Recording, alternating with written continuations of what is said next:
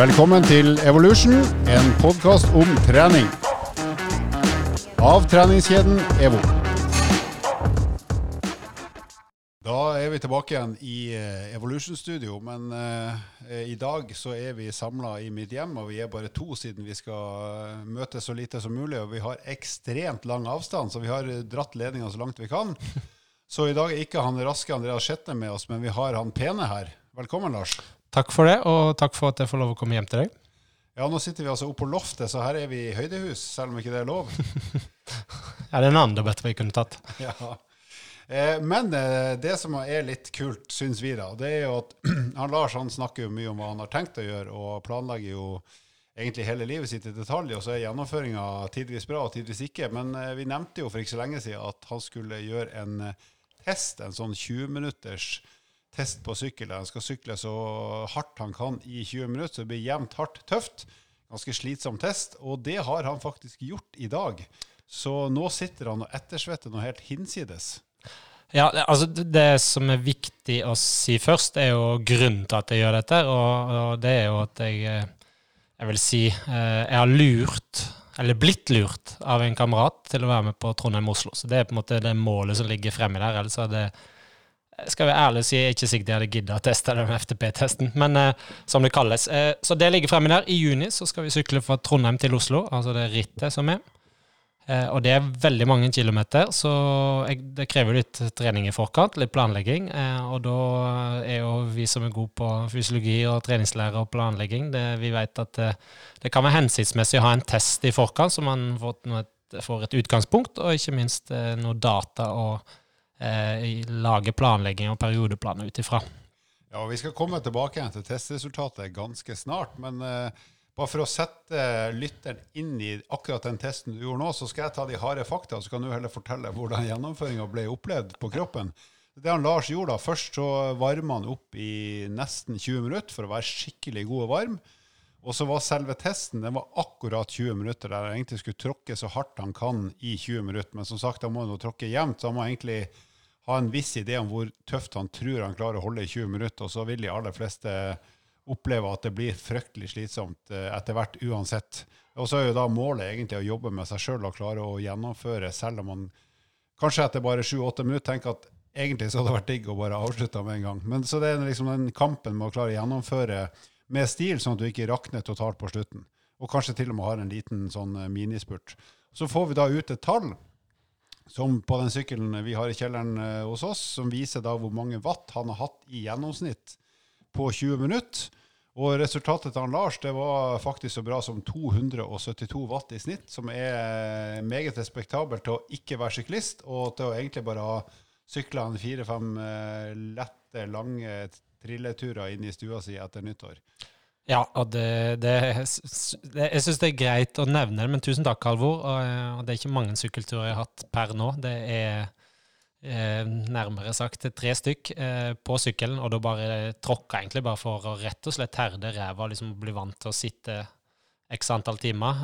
Så jeg har sett på Liverpool-kamper og sykla og tråkka, som har vært relativt begredelig, for å være helt ærlig der òg. Og du var glad det ikke var ekstraomganger i de kampene?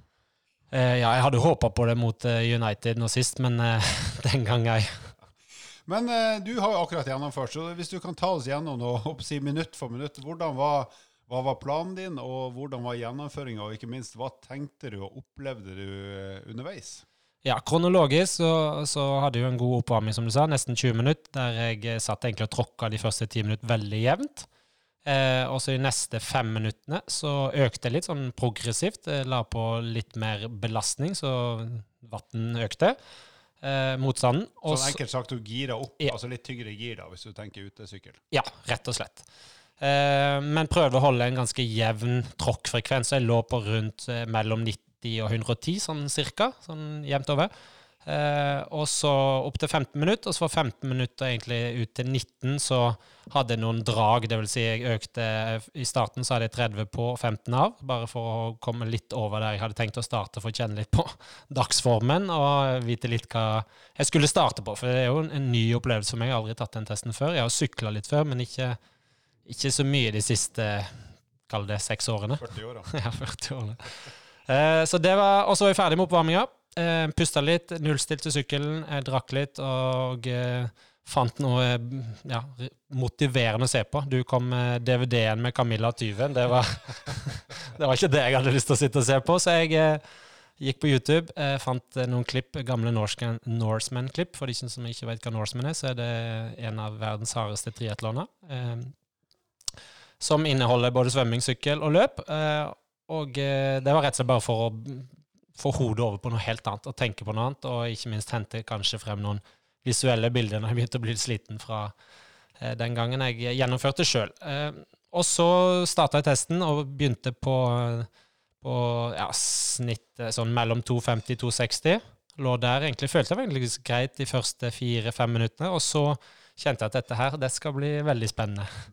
Eh, pusten gikk opp, eh, pulsen lå egentlig jevnt over sånn ja, i, i sikte høy sone tre over i sone fire de første ca. fem minuttene. Så økte han inn i sone fire egentlig helt til eh, sånn pulsmessig helt til de siste tre-fire minuttene. Da var jeg oppe i sone fem. Ja, og når vi snakker om sone fire, da, så er det sånn rundt 90% av makspuls, og kanskje litt, eh, litt, over det også etter hvert? Ja.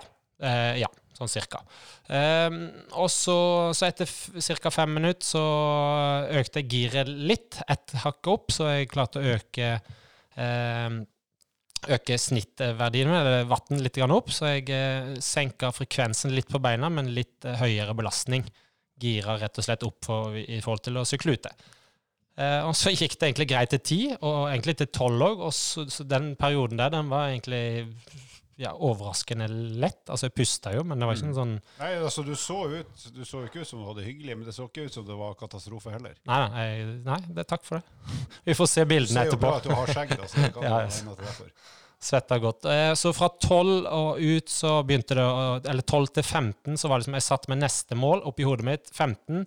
Da skal jeg eh, enten må jeg øke frekvensen, eller så må jeg gire opp og ned med frekvensen. og egentlig se rett og slett hva jeg er bygd av, og få det beste resultatet jeg klarer. Ja, så det du gjør der, er egentlig å ha en dialog med deg sjøl for å på en måte finne ut hvordan skal jeg, hva er planen, hva, hvordan skal jeg gjennomføre de neste minuttene for å få, få, ut det jeg er god for, da, og ikke bare rakne? Ja, så jeg satte meg egentlig ganske langt mål. altså Det er jo tre minutter, og tre minutter eh, når du sitter der og tråkker, føles veldig lenge.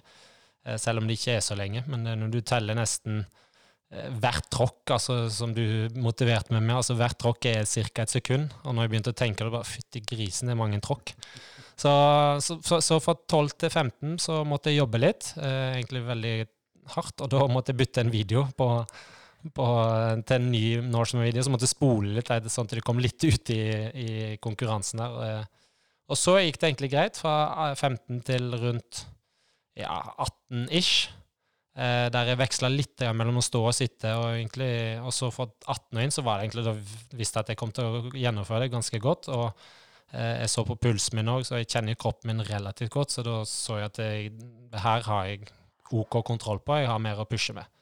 Så da girte jeg egentlig opp, dvs. Si tyngre gir, og så prøvde jeg å holde samme frekvens nede, så jeg lå på rundt, ja, rundt 85 mellom, ja, mellom 80 og 90, ja, ish. Ganske, ganske, ganske, tunge tråkk, men likevel brukbar fart på beina. fordi hvis du skal tenke hvordan det ser ut når man trør på en vanlig sykkel. Ja. Og så girte jeg opp litt eh, når jeg sto, og senka da frekvensen naturlig nok, så da lå jeg på rundt 70 i tråkkfrekvens. Eh, men da gikk jo vatten min òg betydelig opp, så jeg klarte på en måte å pushe litt der, men samtidig så måtte jeg mm, fortelle meg sjøl Så i starten var planen 30 sekunder oppe, 30 sekunder nede de siste to minutter, men det endte opp å gli opp i 20-40, og så var det 15-45, og så var det egentlig bare når du sa det var 90 sekunder igjen, så var det bare å lukke øya og egentlig bare tråkke til eh, du sa stopp. Ja, fordi eh, de siste par minuttene, da, da lyser det desperasjon ut av øynene dine. så da da kjenner jeg deg så godt at jeg vet jo at du kommer til å fullføre, og du kommer til å orke å spurte. Men jeg er helt sikker på at hvis du ikke hadde visst at det bare var to minutter igjen, så hadde du ikke turt, verken turt eller orka å dra inn en sånn spurt. Men siden du har så god kontroll på hva du har igjen av krefter, og også klokka, så, så blir det faktisk et bra trøkk i slutten. Selv om man egentlig eh, ikke orker det. Ja, nei, nei det, jeg, jeg, tenkte jo litt underveis. Det, du hadde jo lova meg Grandiosa til lunsj, så jeg tenkte litt på det underveis. Men når jeg begynte å nærme seg slutten der, så er du ja, du er litt igjen sånn har ikke matlyst. Nei, du har ikke så veldig matlyst. og er bare fy flate, det er ikke det jeg har lyst til å tenke på. Det, eh, men det er egentlig en, en fin opplevelse, selv om det er jo, det er jo tungt, eh, som vi skal høre litt i klippene etterpå. Men, eh, og det, man puster jo, og det er tungt fysisk, men det er òg eh, tungt psykisk, så man må jo på en måte være forberedt på det. Så det vi skal gjøre nå, folkens, nå skal vi, eh, i hvert fall eh, med ørene, så skal vi få gjenoppleve noen høydepunkter av eh, Lars' gjennomføring fra, på sykkelen. Litt fra oppvarminga, og selvfølgelig i enkelte sånne stikkpunkt gjennom de 20 minuttene og, og rett etterpå. Så da er det bare å lytte og nyte at han Lars har hatt det litt vondt.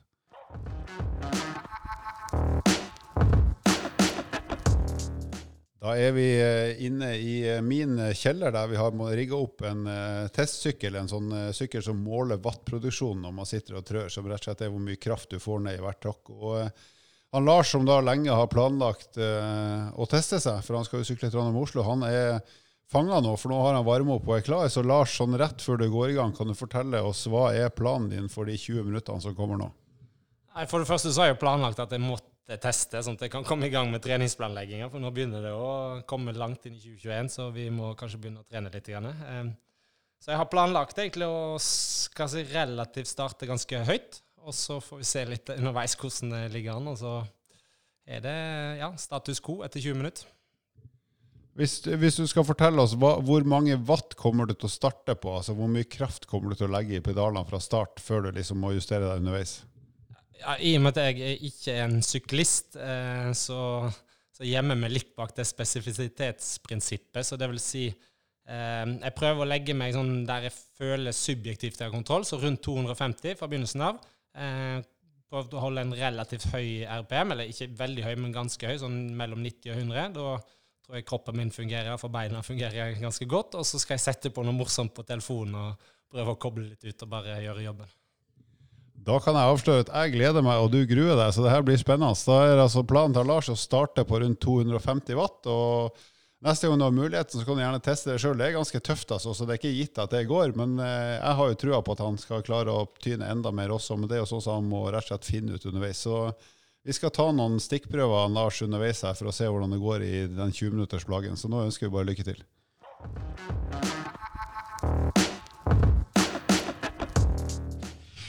Da er vi ca. snaut fire minutter ute i testen, så vi skal bare høre litt eh, veldig kjapt, Lars. Hvordan har du det? Bra, dritbra eller håpløst?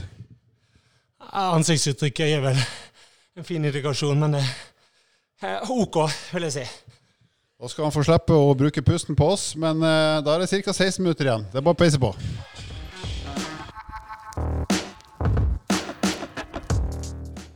Nå er han eh, godeste Lars akkurat halvveis i testen. Han har nå sykla i ti minutter. Det pustes godt, men det ser ut som han holder seg på planen. Han ligger på drøyt 260 watt, så vidt jeg kan se. Så en meget kort kommentar, Lars. Hvordan er livet ditt akkurat nå? Det er brutalt. Tøffere enn jeg hadde tenkt. Tøffere enn jeg hadde tenkt. Det er godt å se, det er godt å høre. Da lar vi han tråkke på. Det er ti minutter inn.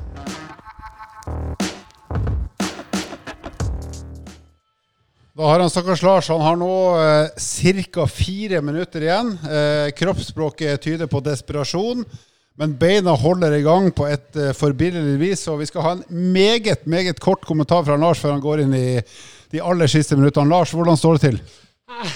Jeg gleder meg til Grandiosa i lunsjen etterpå. Det er bra. Det får være motivasjon. Grandiosaen er klar på mitt bord eh, om ca. 18 minutter.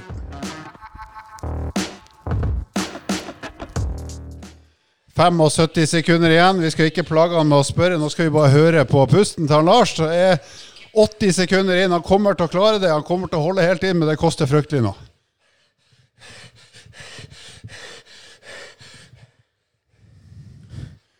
Ca. ett minutt igjen. Sånn høres det ut når du henter ut maks og har kjørt så tøft du kan allerede i nesten 19 minutter.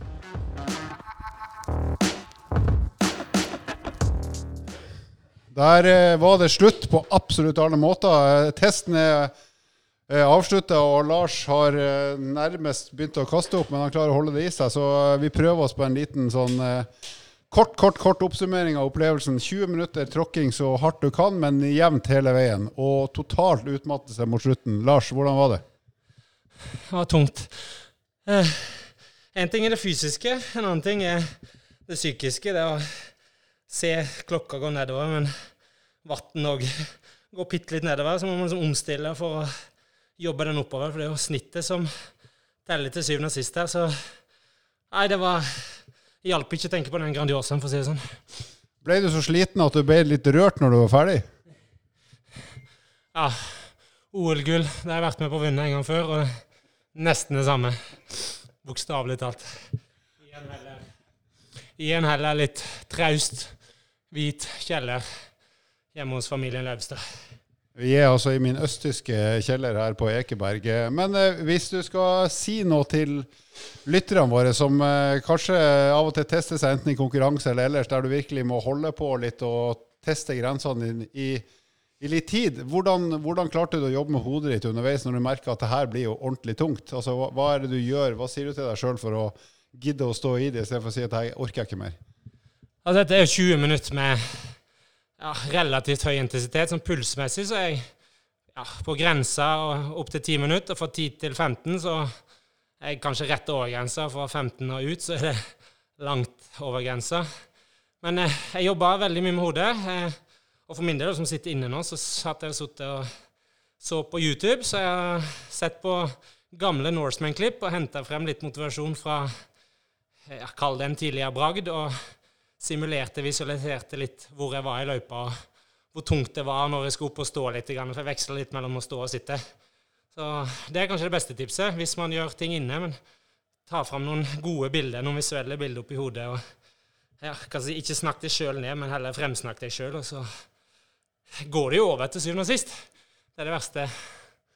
Ja, og så så vi det siste minuttet ditt. Da klarte du å legge en ordentlig spurt. Da var du jo på wattverdier på over 300. Du lå jo i snitt på rundt 270 sånn hele veien, og så klarte du å Eller sånn 260-65, og på slutten så så jeg at da klarte du å tyne vatten opp i over 300. Det vil si at han klarte altså å tråkke med enda mer kraft, kjørte på et høyere gir. Hva, hvordan fikk du ut det på det siste minuttet?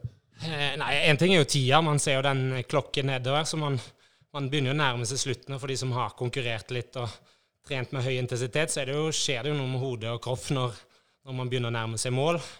Eh, og jeg for min del visste jo at jeg hadde mer å gå på, men eh, eh man skal ha et jevnt tråkk. Altså dette er jo snittverdien min, terskelen eh, på sykkelen. Så jeg, jeg, var litt usikker på hvor langt jeg kunne pushe den, og når jeg kunne begynne med kall det å øke litt. Grann, og det jeg tror jeg traff ganske godt, sånn ut ifra subjektiv følelse i hvert fall. Og ja, jevnt over fornøyd.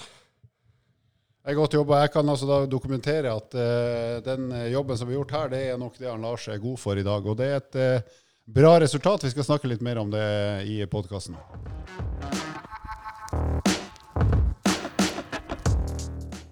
Yes, sånn hørtes det ut når Lars var eh, etter hvert ganske kokt. Uh, og jeg tror de fleste skjønner at det her er ikke skuespill, det er ekte. Ja, det definitivt. Så de som eh, kjenner meg godt, de vet når jeg puster på den måten her, så er det faktisk ekte. Jeg tenkte skulle ta ett punkt før vi, altså Dagens hovedtema kommer vi til straks, men ett et poeng som, som, du egentlig var inne på, det er jo det her med Du er jo primært vant til å løpe. altså Det er iallfall det du har gjort mest av som kondistrening. Eh, så når du sykla, så hadde du jo ganske lav puls egentlig, selv om du jobba så hardt du kunne nesten med beina. Og det er jo ganske typisk for eh, de fleste av oss, når vi gjør ting vi ikke har øvd så mye på, så, så vil ikke pulsen oppføre seg sånn som man vanligvis gjør når vi gjør det vi kan best, altså f.eks. løpe sånn som både jeg og du egentlig eh, er mest vant til. Så da vil jo for absolutt alle som ikke er syklister, så vil jo puls, eller beina bli sur. Du vil kjenne at oi, jeg har merkesyretrøbbel på mye lavere puls på en sykkel f.eks. enn hvis du hadde løpt. Og det er jo noe å ta med seg at uh, den pulsen du vanligvis opererer med når du løper eller gjør ting du er god på, om det er roing eller sykling eller hva som helst, den funker best eller den er riktigst når du gjør det du kan. Og når du gjør ting du ikke er så god på teknisk, eller er uvant med, så vil pulsen oppleves veldig rar. Det vil si at du får du vil stivne og bli skikkelig sliten i muskulaturen på en mye lavere puls enn det du normalt sett gjør når du gjør ting du behersker.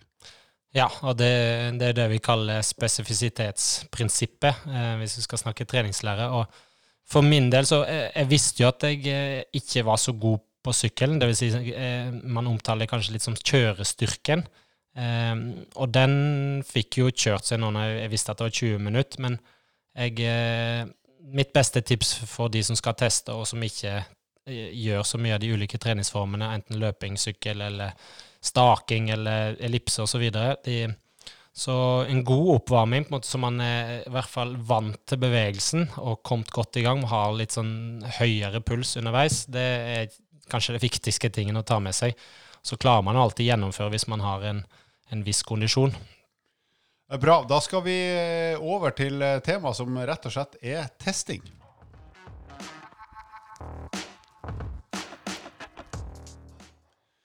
Ja, og vi har jo nå uh, snakka hull i hodet på dere om uh, Lars sin utmerkede sykkeltest. Uh, og ukas tema er test, så det passer ganske bra.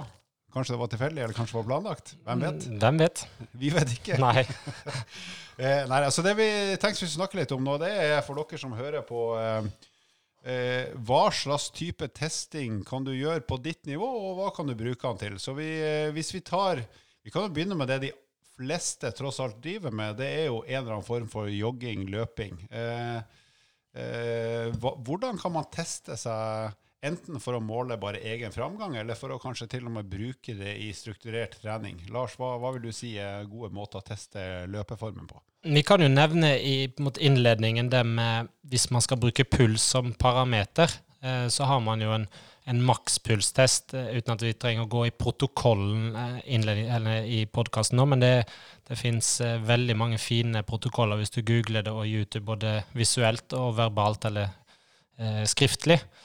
Eh, og det å ha puls som et parameter å trene ut ifra, gir jo en indikator på eh, hvordan man skal styre intensiteten.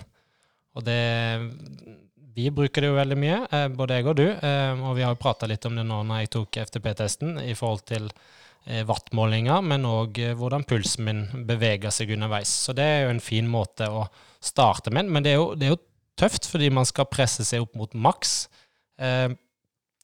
og da må man jo mm, rett og slett mentalt være litt forberedt på å ha det litt vondt. Det er over på relativt kort tid. Mm. Men er, man må liksom pushe seg, og da kan det være greit å enten oppsøke noen som er god på det, enten en personlig trener eller egne testlabber eh, osv. Um, og så få litt ekspertise og hjelp til å på en måte gjennomføre det, og gjennomføre det på uh, den bevegelsesformen som du har lyst til å bruke mest i din trening. Ja, Så hvis du er mest opptatt av sykkel, så gjør den testen på en sykkel. og er det løping som er det store, så, så, løp når du gjør den testen. Ja, det er mest hensiktsmessig. Du kan selvfølgelig gjøre den sjøl også, hvis man, eh, hvis man eh, klarer å presse deg litt og, og, lese litt om det. Og trøsta er jo at tross alt så er det jo det er jo som ei kort intervalltrening, egentlig.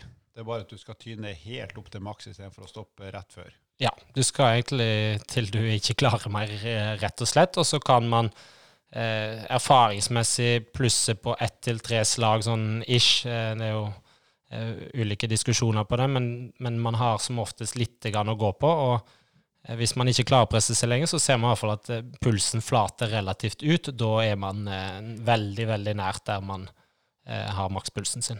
Og Hvis du tenker at det er makspuls, det tror jeg ikke jeg gidder nå, så det er også greit, men da, da kan du i hvert fall følge med på pulsen din de gangene du trener hardt.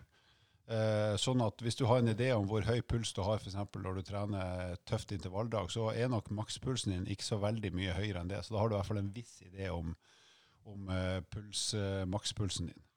Men hvis vi går over på løp, da, så er det jo mange måter å gjøre det på. Eh, man kan gjøre det på ei mølle, man kan eh, løpe på en friidrettsbane eller ute på ei strekke, og man kan løpe kort og man kan løpe langt. Eh, så hva tenker du, Lars? Hva vil være fornuftig for de fleste mosjonister i forhold til teste inne eller ute, og hvor langt skal man løpe, eller hvor lenge skal man løpe før det liksom er nok?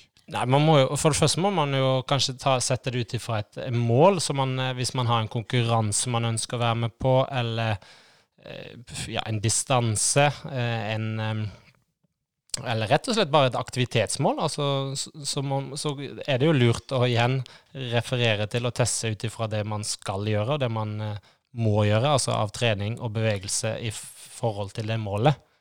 Um, så det jeg har brukt mye på mine kunder, er jo uh, distansetester uh, på, på tredemølle, i og med at vi har trent mye inne på EVO sine senter. Så en type tre kilometer-test for folk som ikke er så godt trent, og egentlig bare har lyst kanskje å eh, komme tilbake til å kunne løpe. Eh, så en type distansetest der man styrer egentlig inn, eh, farten veldig opp og ned. Eh, man begynner på en gitt hastighet som man tror man skal klare, og så holder man på i tre kilometer.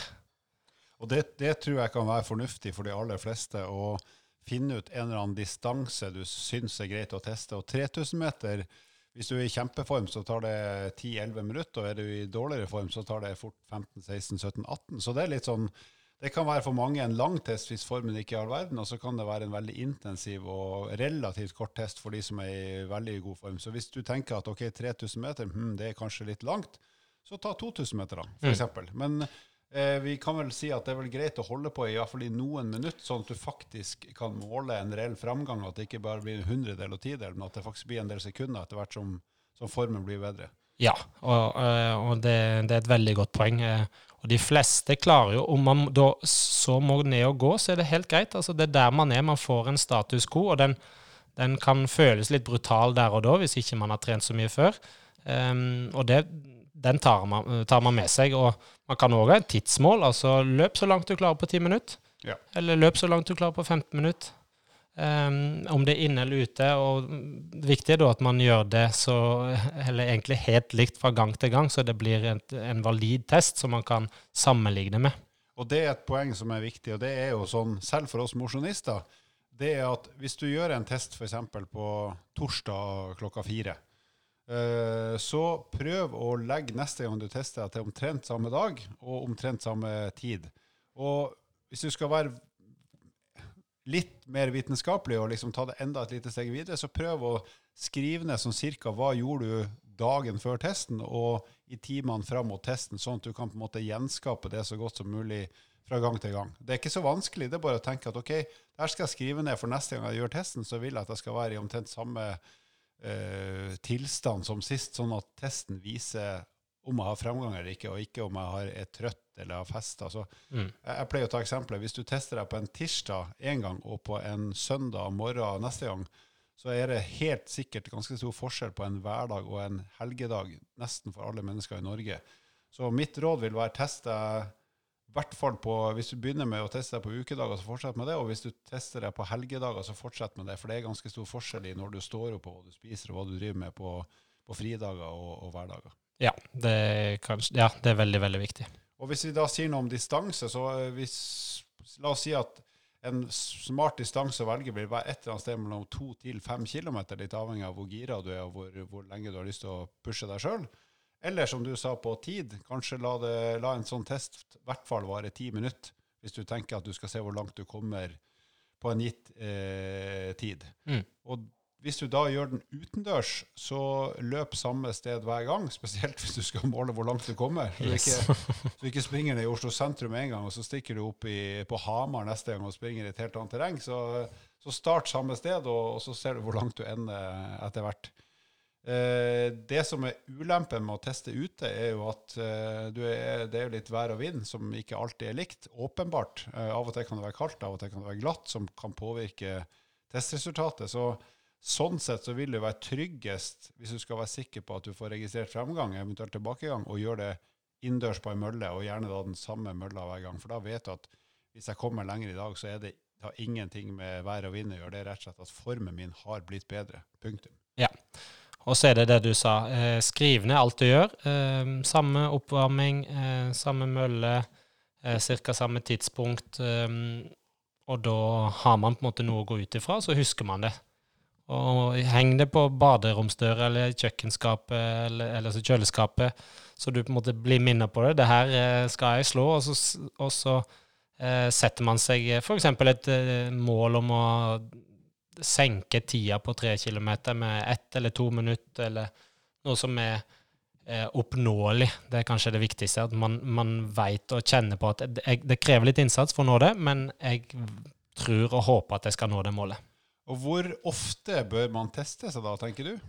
Hvis man er en som trener sier at du er litt gira, da, så du trener i hvert fall to ganger i uka, kanskje opp mot tre-fire ganger i uka? To til fire ganger i uka? Ja, da vil jeg også avhengig litt hvor langt fram det målet er, eller hvor man setter. Men si at du setter det målet seks måneder frem, så vil jeg eh, i hvert fall kanskje teste med to ganger i den perioden der. Altså hver eh, tredje måned eller andre måned, andre måned cirka. Mm. Så at, eh, hvis vi starter nå, så er det igjen i mars, og så en gang i mai, og så er det en test i slutten av juni f.eks.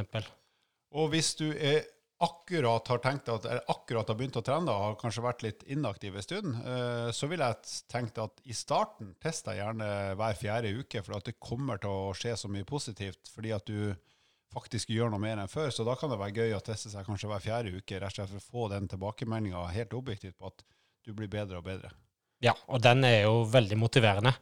Eh, og man skal ikke kimse av det igjen, det psykologiske i dette her. Eh, at man eh, merker og ser og kjenner at det er en fremgang. Og så er det jo det med at man da kanskje bør justere opplegget, så man får en pekepinn. Hvor er jeg nå, og hva er det jeg har gjort bra? Og kanskje jeg må nå tune litt for å få de ekstra neste stegene. For det vil jo på et eller annet tidspunkt kanskje flate litt ut, at man møter litt sånn små fartsdumper.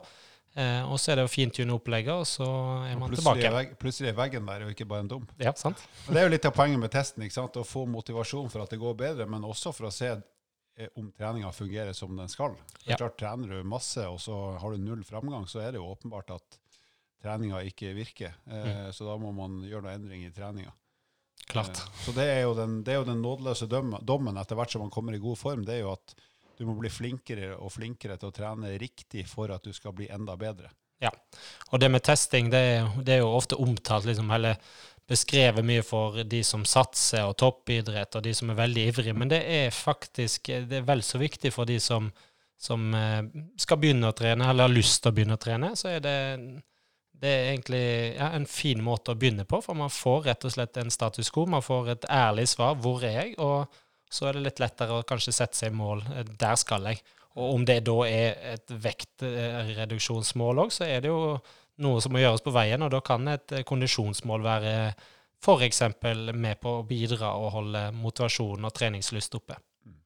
Definitivt. Nå har vi snakka litt om løping, og så, så, har vi jo eh, andre varianter. F.eks.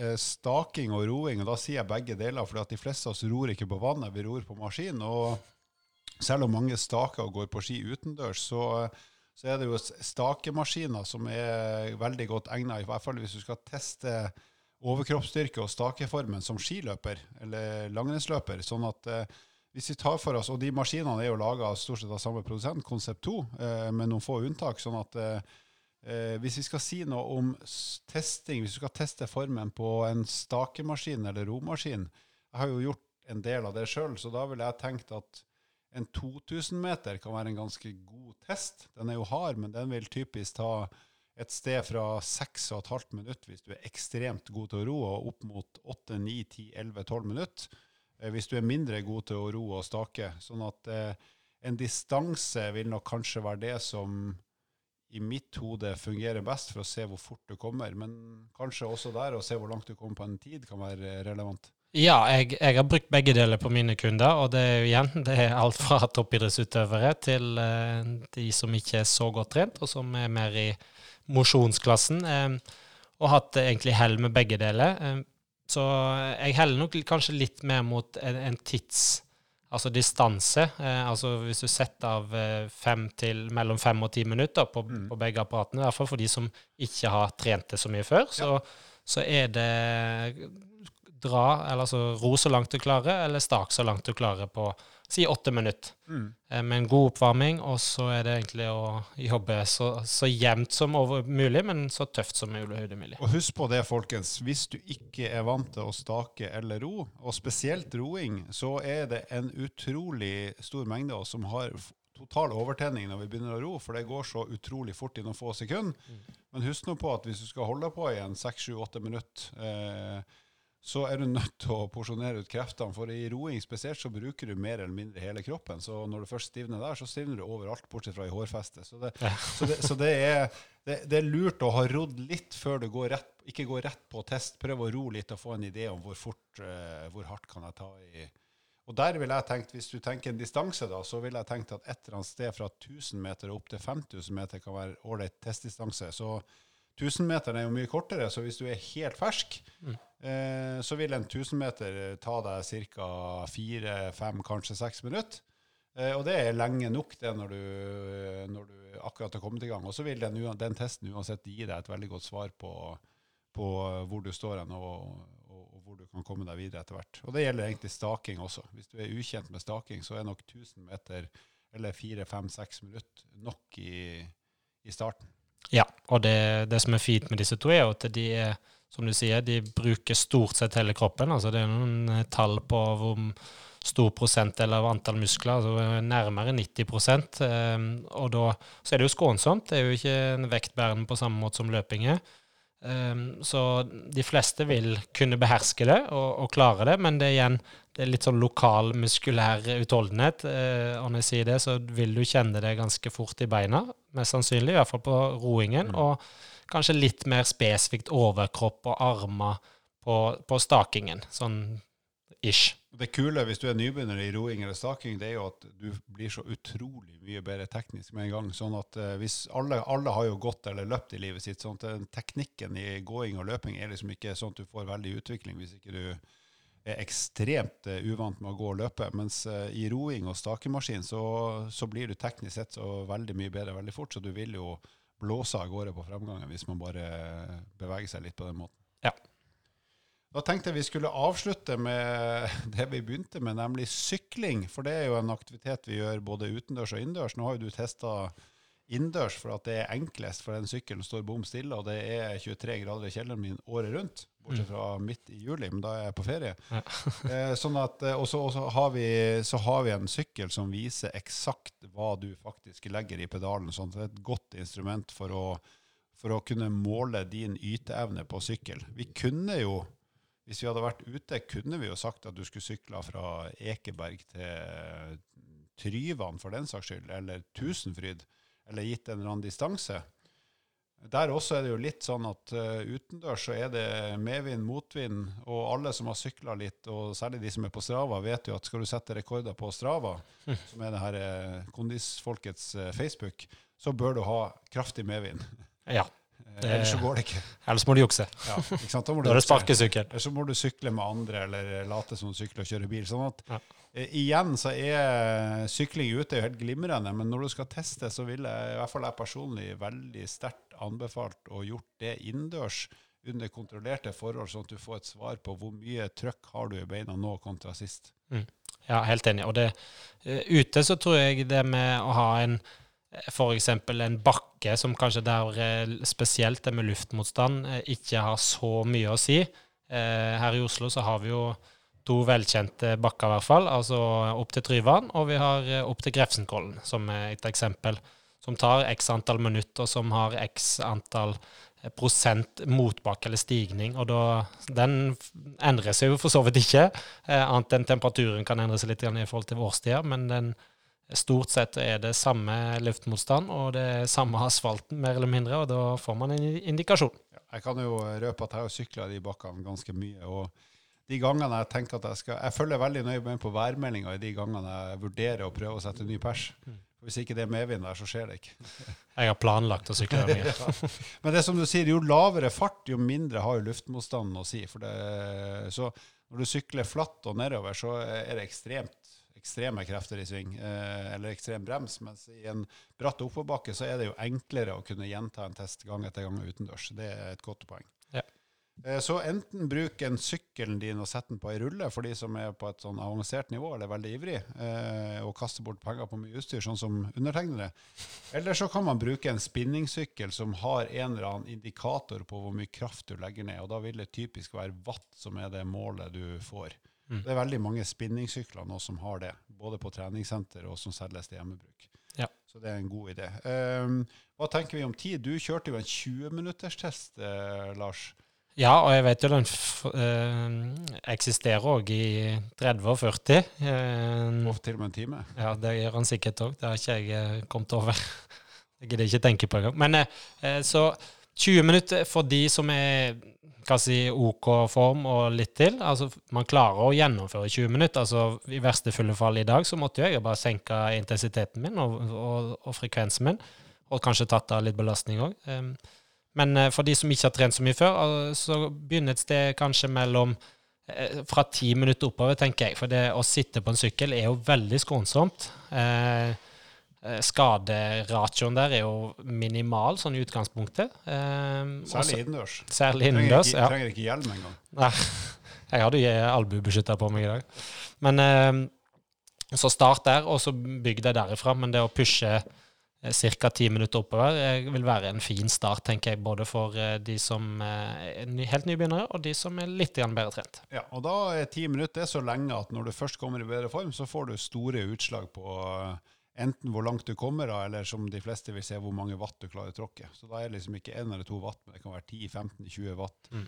bedre. Og da vet du at du har mer trøkk i beina, og du vet at hjertet ditt sikkert blir, har blitt større og sterkere og får dunka ut mer blod med oksygen, sånn at du er i stand til å yte mer. Så um, da kan vi avslutte da med å si at den testen du gjorde, Lars, det var jo det vi kaller en FTP-test, altså en sånn her, eh, egentlig en terskeltest. Så vi vil finne ut sånn røftlig hvor hardt kan du tråkke i ca. en time. Og nå tråkka du i 20 minutter, sånn at det svaret vi fikk, som var 272 watt, da må vi trekke fra ca. 5% Da vil det være omtrent det du er i stand til å tråkke i hvis du hadde måttet gjort det i én time. For da kan du ikke tråkke like hardt som du gjorde nå i 20 minutter. Mm. Eh, Så det er det den testen brukes til. Og da kan han Lars bruke det til å, å, å styre intensiteten i sin trening. Så når man skal trene hjertepumpa og virkelig dra på, så må man jo ligge da på en watt som er høyere enn 272. Og når man skal trene langkjøring og, og lange, rolige turer uten å få noe melkesyretrøbbel, så må man ligge ganske mye lavere. Så der finnes det en god del treningsprinsipper som tar utgangspunkt i den testen der, og så kan han gange opp og ned i forhold til, eh, til eh, den wattverdien og de egenskapene han vil teste. Så for Lars sin del så er jo da det reell terskelwatt rundt 258. Ja, Ja, du god i hoderegning. Pluss minus. Takk. Lars har en enorm kalkulator fra 90-tallet som han har regna ut, så det er derfor jeg klarte det. Det må jeg si. Jeg, jeg kan jo bare avslutte med én ting. og um, Vi var inne på um, det med makspulstest og i forhold til puls. Hvis man skal bruke det som eh, et treningsverktøy i forhold til å styre intensiteten, så er det òg eh, versert en, en formel på 220 minus alder, for da får man sånn cirka hvor man ligger, og den, den kan man jo bruke. Eh, men en, eh, det, noen forskere på NTNU som har eh, regna litt på en ny formel som er litt mer eh, ja, hva skal jeg si, nøyaktig Treff- og treffer sikker. Ja. Så, og da, det kan man google, for så vidt, men det er da eh, tar man utgangspunkt i tallet 211, så man har sin egen alder. Så man ganger alderen, altså min, da, 35, med 0,64, og så trekker man fra 211. Da har man eh, Er du, ikke med, makspulsen. er du ikke mer enn 35? Nei, tenk det. Ja, så ler du. Du ser eldre ut, selv om du er pen. Henta ut fra Camilla Tyven. eh, Det er Sebastian som er hovedrolle der. Du var ikke født når den filmen gikk. Camilla, Camilla Nå må jeg bare sette på en lyd, folkens.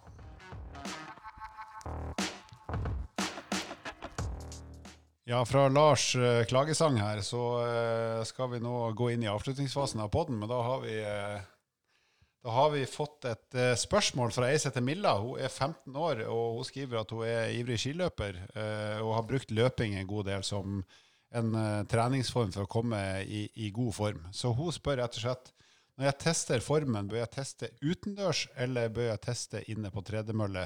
Så skriver hun i parentes har tredemølle hjemme, så jeg kan gjøre begge deler. Og hvis vi skal egentlig oppsummere det vi snakka litt om i starten, så vil vel vi tenkt at siden du har den tredemølla hjemme, og sikkert også trener på treningssenter, kanskje, så, så bruk den som det testapparatet ditt. For den mølla har du jo bestandig, og den er jo lik hver gang. Og står sikkert på samme rom hele tida òg. Så vi vil nok anbefale at du gjør den testen på mølla di hjemme. Ja, hvis man har mulighet til det, så er det en smart løsning. Og det, som sagt, en test skal jo bare gi en indikator, så hovedvektdelen av treninga vil jo gjennomføres utendørs, kanskje noe inne på mølla, men, men stort sett eh, så er jo igjen Det skal bare gi en indikator på hvor er man. Ja. Så i det tilfellet her, der du har muligheten til å ha egen mølle og ha kontroll på den, det kunne jo vært det på treningssenteret òg, men eh, da ville vi tenkt at da får du de beste svarene i hvert fall når du gjør det eh, på den mølla. Og det ser ut som hun trener ganske seriøst også, så vi antar at hun er ute etter å få pålitelige svar, og ikke bare sånne kanskje-svar. Ja, hun er 15 år, så er ganske reflektert over 15 år, tenker jeg. Ja. Eh, Mye mer enn det jeg var, hvis det er hun jeg, jeg tror det er, så er hun ganske oppegående både på trening og andre ting. Ja. Da skal vi avslutte med fun fact. Og fun facten denne uka her er faktisk så enkel som at undertegnere som meg, Halvor den stygge, har hatt hår. Jeg har hatt langt hår.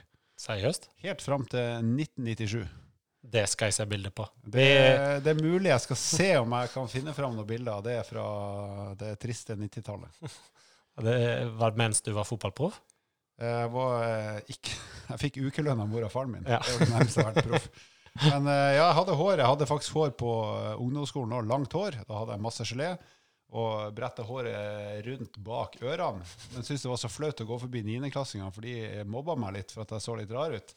Så da tok jeg på meg lue, sånn at geleen ødela jo da sveisen da jeg tok av meg lua. Så eh, hår har egentlig alltid vært ei eh, utfordring i mitt liv, selv om jeg nå ikke trenger å gjøre noe med det. For det fins ikke. Ja, for nå, du, nå bruker du maskiner? Nå bruker jeg maskiner og er egentlig finere på håret enn jeg noensinne har vært. Ja, det skal sant sies. Bare et spørsmål. Hvem var forbildet ditt da? Hansen Brothers? Hår, hårmessig? Mm. Nei, når, når, de er Hansen, da var jo jeg hårløs. Var, så jeg hadde alltid et ønske, gammel, ja. jeg hadde ønske om å se ut som han Kenny Dalglish, som var en stjernespiller på Liverpool på ja, slutten av 70-tallet og gjennom hele 80-tallet. Og god manager òg. God manager. Han har en del av tribunen til Liverpool er oppkalt etter ham. Stemmer. Ja. Det skjedde aldri med meg. Jeg ble eh, reserve på Kjelsås i andredivisjon. Det var vel det høyeste jeg nådde opp. Men jeg har vunnet en sånn lokal eh, cup i Bodø da jeg var åtte år gammel. Men jeg var ikke nøkkelspiller. Yes, da får vi avslutte for nå. Lars er i ferd med å avslutte ettersvettinga, og godt er det. Jeg skal skifte ut møblementene brukt, men det tåler vi. Ja. Det er Grandiosa neste. Da er det Grandiosa, så da sier vi takk for oss. Vil du vite mer om trening, abonner på podkasten og sjekk ut vårt treningsmagasin på evo.no.